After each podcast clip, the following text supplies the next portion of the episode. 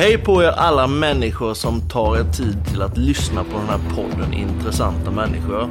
Det gör mig väldigt, väldigt glad och tacksam ska ni veta. Podden finns självklart även på Instagram och på Facebook och jag hoppas att ni följer den där såklart.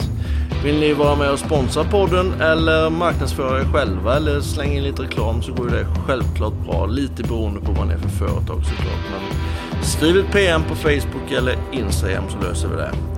Jag hoppas nu att ni får en trevlig och bra stund tillsammans med mig och gästen och eh, återkom gärna med lite reflektioner om ni känner för det. Sköt om er och ta hand om er. Hej hej!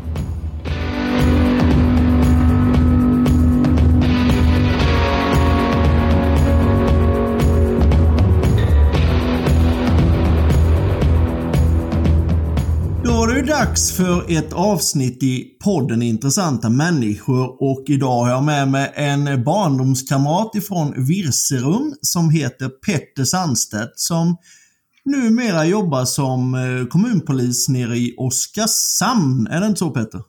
Det stämmer. Så det gör allting. Välkommen hit! Tack så mycket. Hur känns det att vara med i podden med mig nu då? Det var ju några år sedan vi umgicks du. Ja, men det ska bli spännande att se och höra vad det är du har och vad du vill veta och, och så vidare. Ja. Ja. Nej, jag tyckte jag kände det att det kan ju vara, det kan vara trevligt att prata så här lite och inte bara sitta baksätet heller. Så, så det kan ju vara lite ja, annorlunda. du tänker så ja. Ja, i och för sig, jag har haft trevliga pratstunder med folk i baksätet Ja, också. ja, men, så Ja. Ja. men nu Peter, du kan väl börja lite med att berätta vem du är egentligen, var eh, livet startade. Det startade, ja det är frågan om hur långt bak jag ska gå, men vad jag har hört så startade det i en säng på Bryggargatan 1968, enligt min far och mor i alla fall. Jaha du. Ja, har jag hört. Nej, men eh, jag föddes i Vimmerby 1969. När det fortfarande fanns BB där. Mm.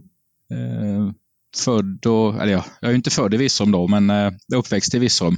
Mm. Bott där fram till jag var ja, 17 kanske det var. Mm. Eh, sen flyttade jag till Kalmar i gymnasium och sen har det blivit lite alla möjliga ställen. Eh, Mm. Virserum, jag har två syskon. Eh, bodde vid, vid sjön. Är Virserums vackraste ställe, så kan man ju säga. Ja, det har jag väl förstått sen jag flyttade därifrån. Ja. Det tänkte man väl inte på när man bodde där, men ja, det är fint. Syrran har ju kvar det, så att det finns ju kvar i familjen. Jaha, hon bor där nere ja. Ja, ja, ja. det gör hon. Eh, Ja, nej, det ligger fantastiskt fint vid den här lilla trevliga sjön, Virserumssjön som sagt. Ja, Men Ja, det- eh, vi kan ju fortsätta lite med, med uppväxten då i Virserum där. Vad, vad, jag vet ju, men vi, du kan ju förklara lite för andra vad man gör i Virserum. Ja, vad gör man? Vad gjorde man i Virserum? Eh, alltså första åren, det var ju det var väl som alla andra misstänker jag. Man hängde med några kompisar i kvarteret. Eh, Sen när man började skolan så fick man ett lite större umgänge. Eh, sen, eh, ja det känns som att mopedåldern kom ganska fort på något sätt. Eh, det som var före 15, det, eh, Det har man förträngt. Ja, men det kanske är så. Jag har väl inte jättemycket minnen eh, i, Nej. i detalj så av det. Men eh, alltså generellt så jag hade en bra uppväxt, eh, Ja. absolut. Ja. Eh, på alla sätt. Nej, men sen var det ju mopedåldern och man, man hängde vid korvmojen, Mm. eh, gamla Edvardssons kiosk. Eh, eller så, vi hade en mopedklubb kommer jag ihåg. Jaha. Uh, upp hos en kompis på Häggvägen. eh, där vi hängde i källaren och drack eh, kaffe och läsk. Faktiskt var det, kaffe och läsk. på, eh, Var det, var det Johan Persson där uppe eller vem var det? Ja, vi började väl där och sen eh, flyttade vi ner till Stålgren, några hus längre ner ja. Till källaren där. Eh, Ja. Och det var kaffe och läsk. Faktiskt var det det. Ja, det var det ja. Även i 50 ja. Ja. men du blev ju polis också Peter, så det var ju redan Ja, då du satte liksom precis. gränserna. Så.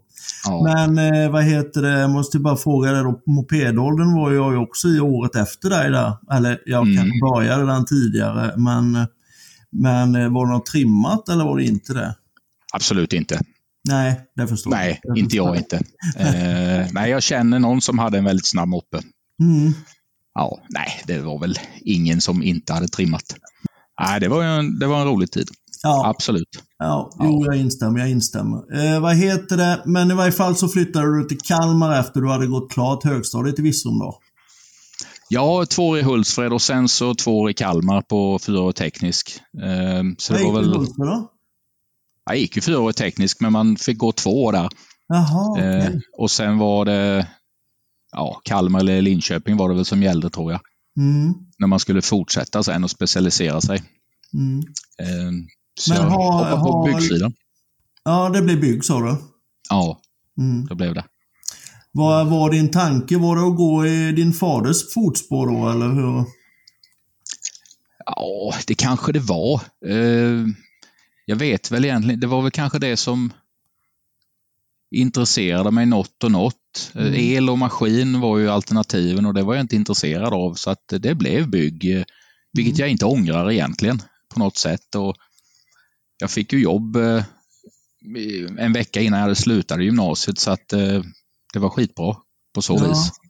Men det var inte som alltså snickare, du ute och byggde hus? Nej. Nej, Nej utan ja, man kallade det ju lite, lite föraktfullt för 25-öresingenjör på den tiden. Jaha, byggnadsingenjör? Ja, ja precis. Ja. Ehm, så att jag gick ju de fyra åren och sen så började jag som eh, biträdande arbetsledare. Mm. På, eh, ja, här får man väl säga vilket företag det var. Var det ingen sån här public service-grej? Det får du säga precis vilket företag det var.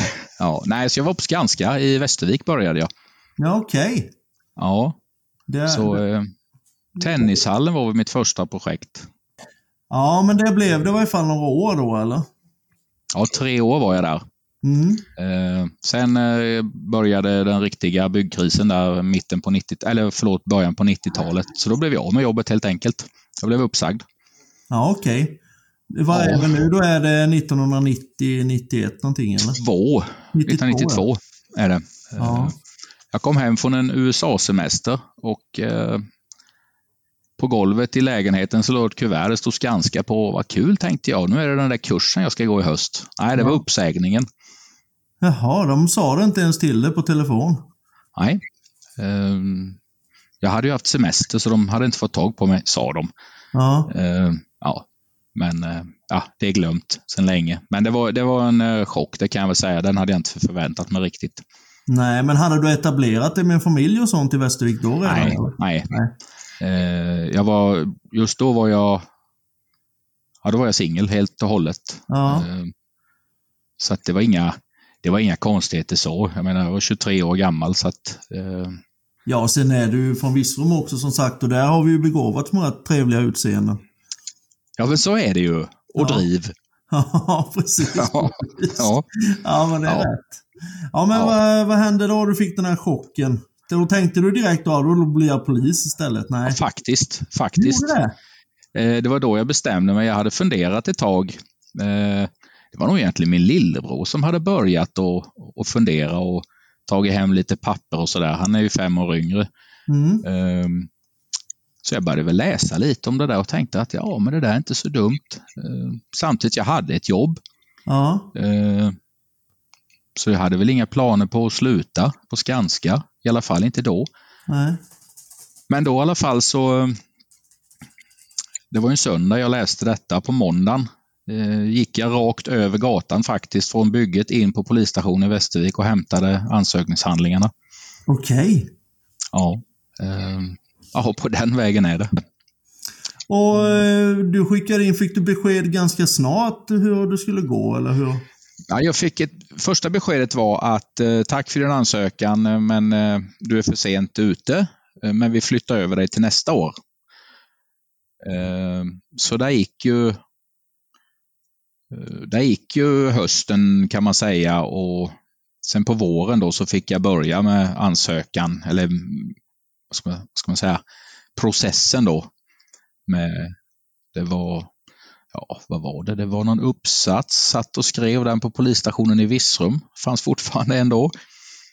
Ja, hade ett samtal med någon äldre eller äldre, det var väl att ta i, men eh, då tyckte jag hon var äldre. Eh, en polis då. var uppsats Virserum, svenska prov i Hultsfred, fystester i Växjö, intervju i Oskarshamn och läkarundersökning i Kalmar kommer jag ihåg. Så det var... det var några ja. ställen att åka på. Ja, det var det. Ja. Eh, så det var väl en, det tog väl eh, den terminen, alltså hösten, eh, förlåt, våren 93. Då kom du i varje fall in på Polishögskolan. Ja, det gjorde jag. Ja. Hur kändes ja. det? Det kändes bra va? Ja, jag var ju skitglad rent ut sagt när jag hade kommit in. Ja.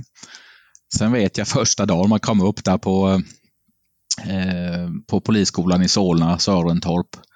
Och så tänkte jag det, vad gör jag här? Okej. Okay. Ja, alltså på något vis så, ja, vi är ju från Virserum. Nej, men man tänkte, och det är herregud, det är bara sådana här riktiga superatleter och renlevnadsmänniskor och nej, jag kommer inte passa in, kände jag. Nej. Nej. Uh, men jag hade fel. Ja. Ja, det är helt vanliga människor, poliser också, märkte jag med ja. Var det någon du kände där uppe som skulle gå samtidigt? Jag hade gjort lumpen med två stycken. Jag kan inte påstå att jag kände dem, men eh, eh, de var väl på samma kom En var på samma kompani som jag. Ja. Den andra var på något annat. Så en var från Vimmerby, en från Jönköping. Men jag kände dem inte så. Nej. Men man var Nej. tvungen, i varje fall på den tiden, att ha gjort värnplikten va, för att bli polis, eller hur var det? Ja, ja mm. jag vill minnas att det var så. Mm. så är det väl inte nu längre va? Man nej, får ju knappt någon att göra det. Nej, nej. nej precis. Mm. Uh. Första dagen på Polishögskolan, det kändes ju som sagt lite speciellt då. Vad fick man göra ja. då när man kom dit? Var det då fick du eh, posera framför spegeln och, och lära sig hur en ja, då? Exakt, exakt. uh, nej, jag tror, vad jag minns var det någon form av upprop, för vi samlades allihopa utanför den stora aulan. Och ja. sen uh, var det en numera ökänd rektor, får man väl ändå säga att han är. Jaha, var det Kapten Klänning som hade då? Ja, ja som tog emot eh, och pratade och höll lite förmaningstal och sådär. Eh, att man skulle vara försiktig på insparken och, och det ena med det andra. Ja. Det hade ju varit någon, eh, någon form av ja, skandal sa man, men eh, okay. med, med fylla och grejer något år tidigare och jag tror att någon kvällstidning hade kommit dit eller, eller någon sån här gammal herrtidning, jag minns inte vilket, nej, nej. Eh, och gjort ett reportage om eh, skandalen på Polishögskolan. Så att, man var väl med visst fog lite orolig. Ja, det förstår jag. Det förstår jag ja. verkligen. Vad ja. heter det? Ska vi prata något om Kapten Klänning? Tycker du? Ska vi skita det eller? Jag har inte så mycket att säga om honom egentligen, Nej. så att det är nog bara... Du gick inte sam samtidigt som Lasse Bergmark, eller? För han gick ju där uppe då, vet jag. Lars Bergmark. Känner jag inte igen namnet. Det kan, vi var ju 300 elever som började, så det är ju inte ja, omöjligt. Okay. Nej, nej. Mm. Eh, han, vet jag. Nej, han bor väl här nere i Vimmerby nu, den här grisen. Ja, det gör han. Klänning. Han bor lite utanför där. Ja, ja. Ja. Nej, det finns inte så mycket att säga om honom. Nej, han har inte då... gjort någon bra PR för polisen om man säger så. Nej, precis. Det är fint. Nej. Nej, men vi lägger Kapten Klänning åt sidan och sen så har ni haft, men den här insparken gick lugnt till i varje fall förstår jag då. Ja, det gjorde den och jag kan säga att jag var väldigt försiktig. Jag drack typ två öl och sen gick jag hem. Ja, uh, men ja. så har du alltid varit Petter när vi har varit i Virserum också nästan. Va? Precis, precis. Har så rätt så. ja. Eh, jag tänkte på det när man, när man väl börjar som polishögskolan då. Känner man direkt att ja, men nu har jag ett helt annat ansvar på hur jag beter mig privat och vilka åsikter jag har och hur jag beter mig? Eller är det något som kommer efterhand? Eller liksom, blir man inpräntad att det ska vara så från början? Nej, jag skulle nog inte säga att man blir inpräntad någonting egentligen. Mm.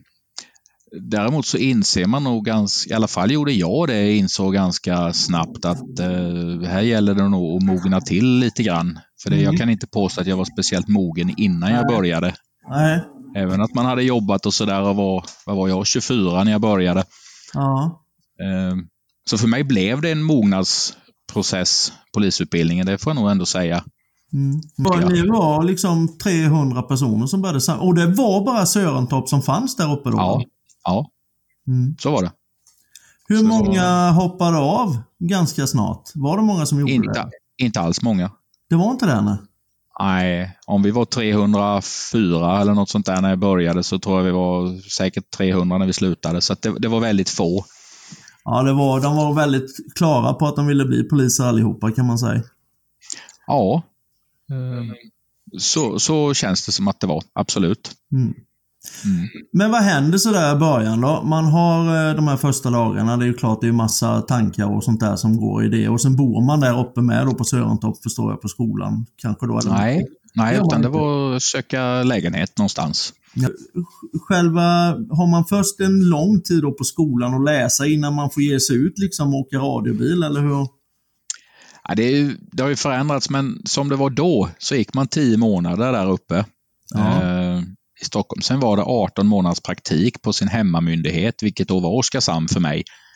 Mm. Eh, och sen var jag tillbaks en termin, så det var tre år totalt.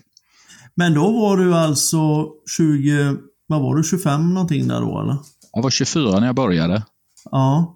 Och Ja. sen där, 20 ja, 25, 26 där någonting när du var ute. Men hur kändes det då? För det är ju rätt ungt att komma ut som polis liksom. Hur, alltså första dagen att komma ut.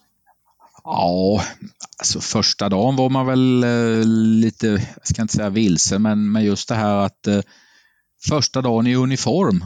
Ja. För man blir jäkligt uttittad. Mm. Det är ju ingenting jag tänker på idag eh, överhuvudtaget. Men, men då tänkte man på det att gud vad folk glor, tänkte man. Ja. Ja. Eh, men sen, sen gick det ganska fort att vänja sig och man hade eh, bra handledare som liksom tog hand om en och lotsade runt. Och, eh, vi jobbade faktiskt två aspiranter ihop i början där tillsammans med en handledare. Och, Ja. Så vi fick ju vi jobbade och han stod bakom och stöttade om det behövdes. Ja, just det. Vad heter det, men när man liksom kommer ut sådär på, på, som aspirant, är det men man har typ eh, fulla befogenheter och alltihopa då, och sen har du en person kopplad till det som har mer erfarenhet, eller? Ja. I princip fulla befogenheter har du. Mm. Eh, sen har du ju då någon som har ansvaret eh, som Mm. är lite bakom. Ja, lite bakom, det lät ju fint. Ja, alltså, han var står lite bakom och över, eller kollar lite. Ja, ja. Ja, men det det. det är väl jätteviktigt. Ja, Ja, kommer, du, kommer du ihåg eh, första ingripandet du gjorde då när du var polis där nere? Var det under aspiranttiden förstår jag? Måste det ha varit. Faktum är att mitt första riktiga polisingripande det ske- skedde när jag gick polisskolan i Stockholm. Det var ju så att man fick ju, om man ville åka med en polispatrull någonstans så fick man ringa och be om det. Eh, och då var det så att eh, han som var chef där uppe för ordningsavdelningen i Solna, han var från Virserum han också faktiskt. Ja. Något sånt där. ja. Det var inte Tore Bergström då i alla fall. Nej, det var inte Tore. Nej. Eh, nej, men så jag ringde honom och sa vem jag var. Och, Så då fick jag ju åka med Solna-poliser. Eh, Och det sista nattpasset jag gjorde där uppe så fick vi en biljakt. Eh, som slutade någonstans upp på Tensta. Och det vart ju att springa. Och, jag, och han, eh, han som satt höger fram skrek till mig, häng på skrek han. Och jag, oj, tänkte jag. Mm. Så vi sprang ju fatt den där killen som hade stulit bilen. Så det, och det vart ju brottning och, eh, och ett, mitt första grip faktiskt där. Så det var mitt första polisingripande. Ja, och känslan efter det, det känns rätt bra va? Ja, det kändes ju jättebra. Ja, det förstår jag. Ja, det var ju på något vis... Eh, sånt där hade man ju bara hört talas om. Hur det Mm. var. Biljakter och springjagis som vi säger. Ja, precis. Ja, ja det, var, det var häftigt. Det var häftigt. Ja, men det förstår jag. Ja. Det förstår jag. Mm. Men eh, det förlöpte rätt bra, alltså själva aspiranttiden. Man, man är, då är man inte inne i någonting som sagt under ett och ett halvt år, utan då är man ute. Får man tjänstgöra i olika distrikt då, eller är du i Oskarshamn hela tiden då? Eller? Nej, då var jag i Oskarshamn hela tiden. Sen tjänstgjorde jag på olika avdelningar. Det fanns ju en spanavdelning, det fanns en utredningsavdelning och så var det ju det som då kallades för ordningen. Nu heter det ju ingripande verksamhet. Det är samma sak i princip.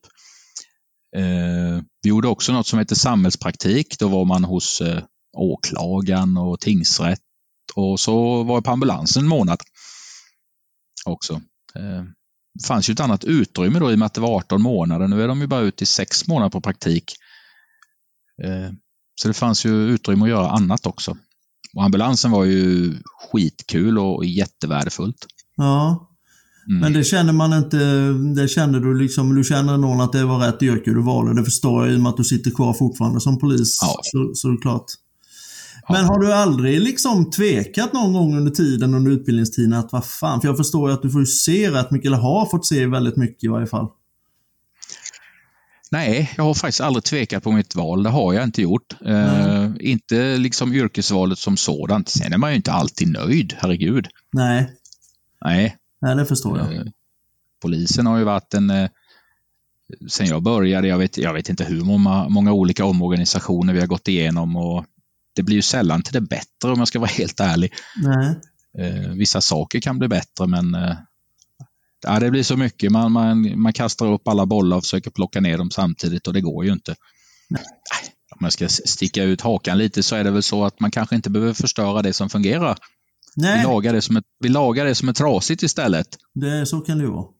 Ja, men det, så har det väl inte riktigt funkat inom min myndighet genom åren. Tyvärr. Nej. Nej. Nu sen är du tillbaka då på, på, på Polishögskolan då efter 18 månader. Ja.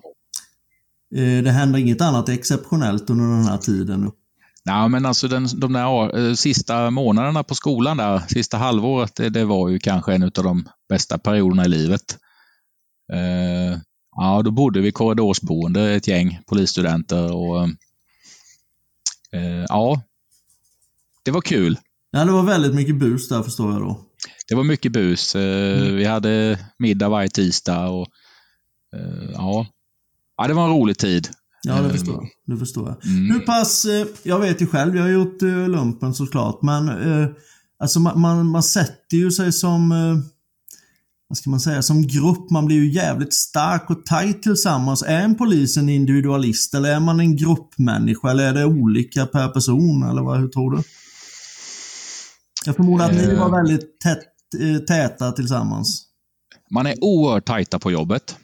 Eh, det är ju det som är eh, det är det som är kårandan, alltså att vi är tajta. Eh, det är inte att vi håller varandra bakom ryggen som är kåranda, utan det är den här kamratskapen. Man stöttar varandra. Man vet att kollegan finns där bakom om det händer någonting.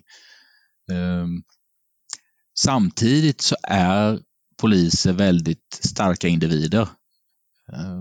Poliser har ju jävligt svårt att jobba i grupp. Eh, så, så, är det bara. Eh, och nu då när väldigt många, eller de allra flesta inte har gjort lumpen, så har man ju heller ingen vana att jobba i grupp. Så det där, är, det där blir en liten paradox egentligen för att starka individer, stark gruppkänsla, men dåliga att jobba i grupp. Mm. För alla vill bestämma. Jo, men så är det. Jag kan tänka mig att ja. det är ju en viss sorts personlighet som blir polis. Så är det ju såklart. Man vill ju gärna ja. gå först i ledet, eh, kan jag tänka ja. mig. De flesta vill ju det. Ja, ja. Mm. Men tror du, jag har ju, nu säger jag, det här är ett påstående från min sida. Jag säger ju det att har man gjort eh, värnplikten till exempel då, och eh, som i ditt fall nu gått polisskolan. Man, man lär sig liksom och lyssna, man lär sig och ta det från andra och man lär sig stå eh, och vänta på sin tur. Alltså, jag tycker personligen att det är oerhört viktigt och att det är det som har påverkat stora delar av samhället i och med att inte värnplikten exempelvis är allmän för tillfället. Eller allmän är den kanske, men det är inte så många som går den, gör den. Nej, du har säkert en poäng i, det där. Eh, just det där med det du säger först, läsa och lyssna och, och kunna ta, ta en instruktion och, mm. och utföra den. Ja, det, det är inte alla som, som tycker det är okej. Okay. Så är det. Mm. Och det är inte specifikt för polisen, det, så är det ju överallt. Ja, precis. Visst är det så. Visst ja. är det så. Nej, men för man tittar ja. ju som, som jag då som eh, Ja, jag känner ju rätt många poliser, men, men man ser på Youtube-klipp och sånt här, alltså på vilket sätt ni blir provocerade många gånger och ändå kan stå kvar. Jag såg en mm. film från två tjejer där det var kanske 20-30 killar som var och gapade och skrek.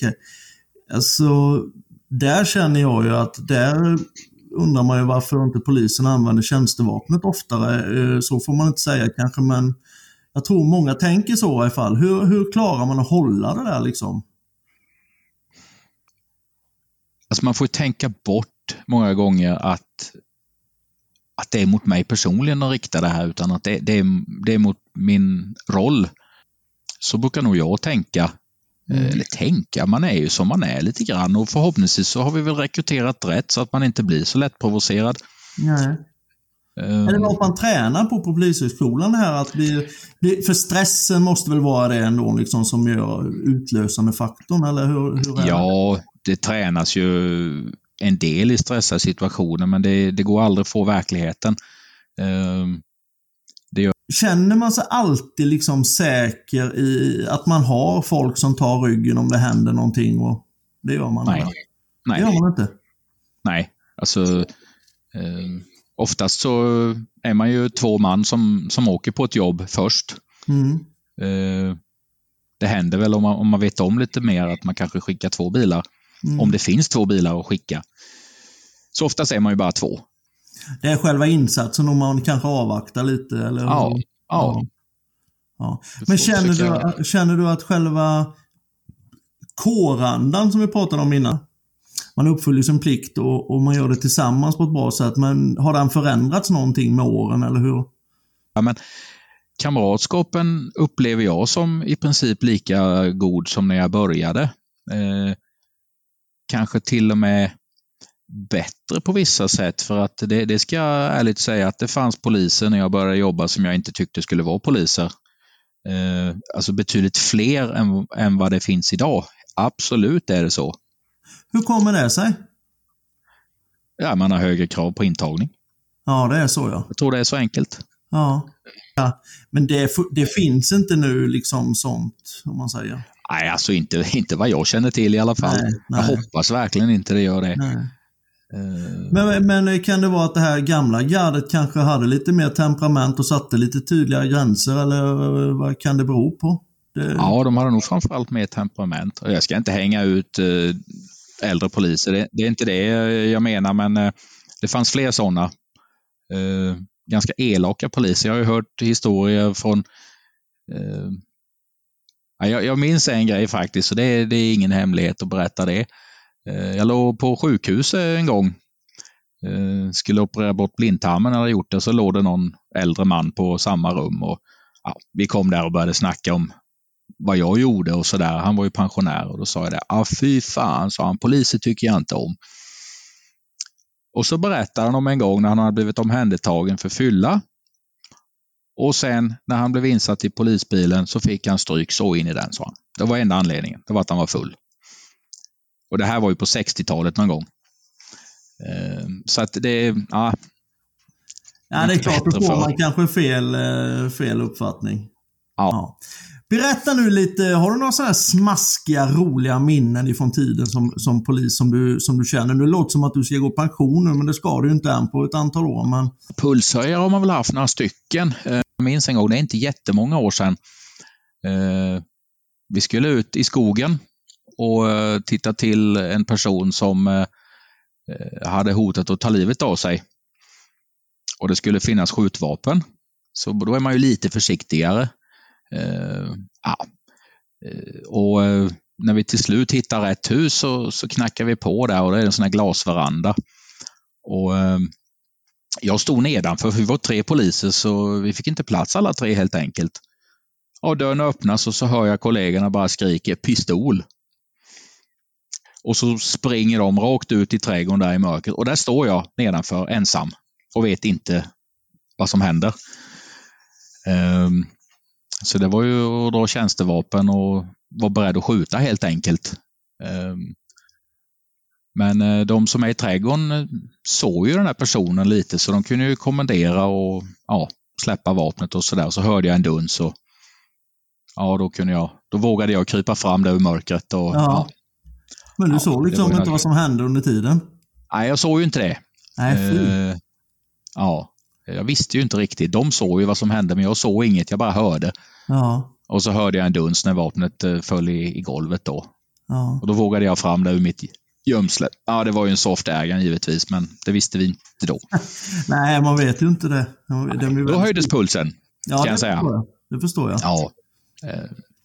Sen har det väl varit lite annat smått och gott med biljakter som är pulshöjande och de är, biljakt är inget kul. Man tror ju att det är skithäftigt. Ja, Eh, det är det inte. Det är ganska läskigt med biljakter. ja det förstår jag. Det är många andras liv som är i fara också. Ja, ja. Eh, och det är ju en skillnad där.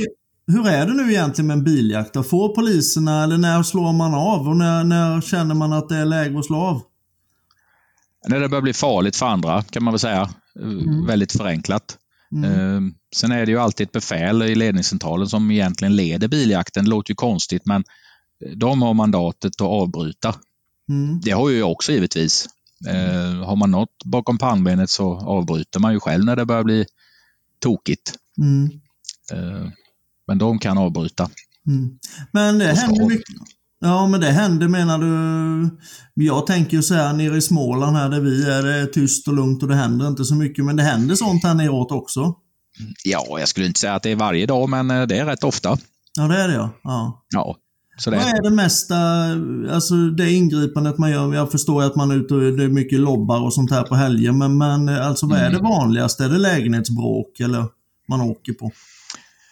Ja, det är ju ganska vanligt, eh, absolut. Annars så tror jag det, det vanligaste, utan att ha någon, eh, någon sådär jättestatistik på det, så känns det som att det är, det är våra ska man säga, yrkeskriminella eller livstidskriminella som kör bil utan körkort, kör påverkade av droger. Mm. Ehm, Det är nog egentligen det vanligaste vi gör, Mm. Mm. faktiskt. Mm. Hela tiden, varje dag. dag- Dagligen i stort sett, ja. Jajamän, ja. det är det. Nej, Sen är det stöld i butik och Mm. ja, lägenhetsbråk, oftast på helger. Det har ju förändrats lite under pandemin. När folk har varit hemma så har det varit mer i veckorna och sådär. Men har det ökat under pandemin? Ja, jag tror det, utan att veta. Det, som, det har i alla fall ökat mitt i veckorna. Förr var det ju aldrig liksom en, tis, en tisdagnatt var ju aldrig ett lägenhetsbråk. Nej. Nästan aldrig. Eh, men det märkte jag första, första sommaren i alla fall då. 20, vad var det? 2020 va? Mm. När pandemin slog till att oj, vi har lägenhetsbråk på tisdagar och onsdagar och det kunde vara på eftermiddagen. Ja, ja. Ja, Ja, oavsett vad, det är ju fruktansvärt när det är så. I regel är ju barn involverade också. Och Ja. så, så. Eh, vi- har du varit med om mycket sådana här otäcka där barn har varit inblandade och de har betett alltså så? ja absolut. Mm. Jag tänker att det borde ju ta rejält på psyket alltså det är väl egentligen det som man, man kommer ihåg eh, av de här tråkiga händelserna. För annars så kommer man inte ihåg så mycket tråkiga händelser faktiskt. Jag tror att eh, hjärnan är bra där och kan sålla hyfsat eh, på det som är tråkigt. Men barn, ja, det, det sitter. Det bara är så. Ta något ifrån musikförrådet. Vi har ju båda ett stort intresse för musik och jag vet ju att du har varit insatsansvarig på Hultsfredsfestivalen. och lite sånt va? Hultsfredsfestivalen, det är nog det roligaste vi har pysslat med, eller jag, eh, inom polisen faktiskt. Eh, började ju åkte, åkte buss på nätterna där uppe och ingrep mot de här små tingeltangeltågen och allt vad det var. Och, eh, nej, men sen de sista åren på festivalen så var jag insatschef några år där. Och, eh, det, var, det var kul, absolut. Eh, jag är ju ganska intresserad av musik också, så det blir Ja, inte sämre det. utav det. Många av de äldre tyckte ju att vad är det för skit? Festival? Ja, men det är ju jätteroligt att jobba där tyckte jag. Ja. Nej. Alltså, du kunde inte vara berusad under, på samma sätt? Nej, det gick inte. Nej. Eh, nej, det. Du måste ha träffat många av de här artisterna då? Ja, jag har väl träffat en och annan sådär. Inte några större konversationer, men eh, det roligaste egentligen var, de träffade jag ju aldrig då, men det var ju en händelse med The Cure. Som väl är hyfsat kända. Och, eh, ja, de skulle spela på, jag tror det var på lördagskvällen. Och jag hade gått av mitt pass, eh, fast jag hängde ju där i alla fall. På området. Och då ringde säkerhetschefen på jag tror inte det var Rockparty då, det var nog de här tyska Scorpio. Skitsamma, det var samma kille som hade varit innan. Och så sa han, du Petter, vi har ett problem. Jaha, vadå? Ja, jag, jag jobbar inte, så jag. Nej, men eh, du måste hjälpa oss. Cure vägrar att spela. Ja, det kan väl inte jag göra så mycket åt, tyckte jag. Ja, men det är så att eh, eh, tiden håller på att gå ut här. Tillståndet gällde ju kanske bara till klockan två. Och så var det förseningar och så vidare. Ja, de vägrar att spela om de inte får spela hela sitt set och de vägrar att spela om inte tillståndet gäller. Vi måste få förlängt. Ja, det hade ju inte jag mandat att, att besluta om. Eh, den ligger på en högre nivå, men eh, jag ska ju inte säga att jag ville se The Cure också. Det kan jag inte göra. Det kan inte vara det som är skälet. eh, och det måste det ju vara. Men eh, jag, sa, jag sa i alla fall, ja men det är klart, kör. Säg till dem att de har tillstånd. Och kan, jaha vad bra, sa han. Ja, ja, det är klart The Cure ska spela. Sen ringde jag chefen och sa, du har precis gett förlängt tillstånd till The Cure att spela till klockan. Jag kommer inte ihåg vad det var. Jaha, sa han då. Det var inget mer med det? Nej, det var inte svårare än så. Men har du fått någon tack från Robert Smith? Då han har inte hört av sig? Nej, det, nej, det, nej, det tycker jag är lite, det är lite otacksamt så. ja, ja, jag ja. vet inte ens om han lever längre, men det gör han kanske. Ingen aning faktiskt. Nej, nej. Ingen aning. Vi gjorde ju en gemensam resa, eh, eller vi träffades där uppe fall, eh, på Tom Petty då i Stockholm också, du och jag. Det var kul. Ja. Det, det var, var, riktigt roligt. Ja, och det var en väldigt, väldigt bra konsert där ju. Ja. Gick du Polishögskolan då? Det gjorde du inte va? Nej, det gjorde jag inte. Då var jag faktiskt på Skanska fortfarande. Mm. Uh, för jag vet, jag körde upp till Stockholm där och så bodde vi väl hos några tjejkompisar. Mm. Uh, också från Virserum. Ja, just det. Och också någon som är polis va? Stämmer. Ja, precis. Stämmer. Precis. Ja, mm. just det. Uh, nej, och sen jag vet inte riktigt hur ni dök upp där, du och vem det nu var mer. Eh, det var en lumparkompis till mig tror jag. Jag vet inte riktigt hur det kom sig men eh, på den tiden, Nej. ja, då var man väl lite överallt. Men, ja. Och så vet jag att jag tror det var du som hade gitarren med dig och så, så satt vi på tunnelbanetåget och spelade Tom Petty-låtar på vägen in. Jajamän, jajamän. Ja. Det, var en, det var en rejäl resa. Ja, fy fan. Ja. ja, det är roligt. Det är många år sedan nu, Petter. Men eh, du är ja. fortfarande polis i varje fall i Oskarshamn och nu jobbar du som kommunpolis. Mm. Och vad, innebär, vad innebär det? Jag höll på att säga, jag vet knappt för jag har ju precis börjat. Ja. Eh, men eh, det, det, är inte sådär oerhört eh, spännande jobb om man ser vad man tror en polis gör. Eh, det handlar mycket om samverkan eh, med kommunen framför allt. Mm. Och det är alltså socialtjänst, skola, eh, ja, kommunen som sådan, kommunledningen. Mm. Eh, det kan vara eh, andra organisationer som eh, pensionärsorganisationer, eh, brottsofferjour. Eh, är du ute ja, något och åker bil? Nej, det gör du inte längre. Inte i den tjänsten är det inget sånt. Nej. Nej. Och du längtar inte ut på gatorna eller så? Jo. Ja, det gör du ja. Jo, ja. Det är därför jag blev polis en gång i tiden. Ja, men jag har ju hört lite eh, runt omkring. Jag vet inte om det är någonting som bara det snackas eller om det stämmer. Så här, gör ni alltid high five när ni griper eh, folk? Eller hur stämmer det? Ja, du får väl en chans att svara själv på den frågan. Vad tror du, Micke? nej, jag tror inte det faktiskt. Du tror inte det? Nej. Nej. Eh, nej, alltså vi kanske inte gör high five varje gång, men jo, men det händer säkert när vi gör bra jobb. Mm, mm. Eh, det är klart vi gör. Mm. Eh, och gripgodis finns. Gripgodis finns ja. Är ja, det när ni gjort ett riktigt bra gripande, då äter man Ja, det finns. Ja, fast nu är det väl, nu får vi ju köpa gripkvarg till de här unga konstaplarna istället. de, äter inte, de äter inte bilar och Polly. Nej, precis. Nej, nej, det var taskigt sagt. Ja. Hur ser framtiden ut för dig Petter? Vad är, vad är, har du någon eh, vision eller ambition om, om det är någonting mer du vill uppleva inom polisyrket? Nej, jag tänker nu, nu kör jag det här ett tag, tänker jag. Mm. Uh, jag tror att det kan bli kul. Mm. Ja, men faktiskt. det ja. ja. Och fritiden, vad gör du där då? På fritiden så Ja, jag får säga, det är bara familjen som tar tid. Nej då. Eh, Ja, Nej, men jag, har ju, jag cyklar en del. Eh, jag har varit lite dåligt nu för jag har varit taskig i ryggen här i, i höst. Men eh, annars ja. så kör jag mountainbike.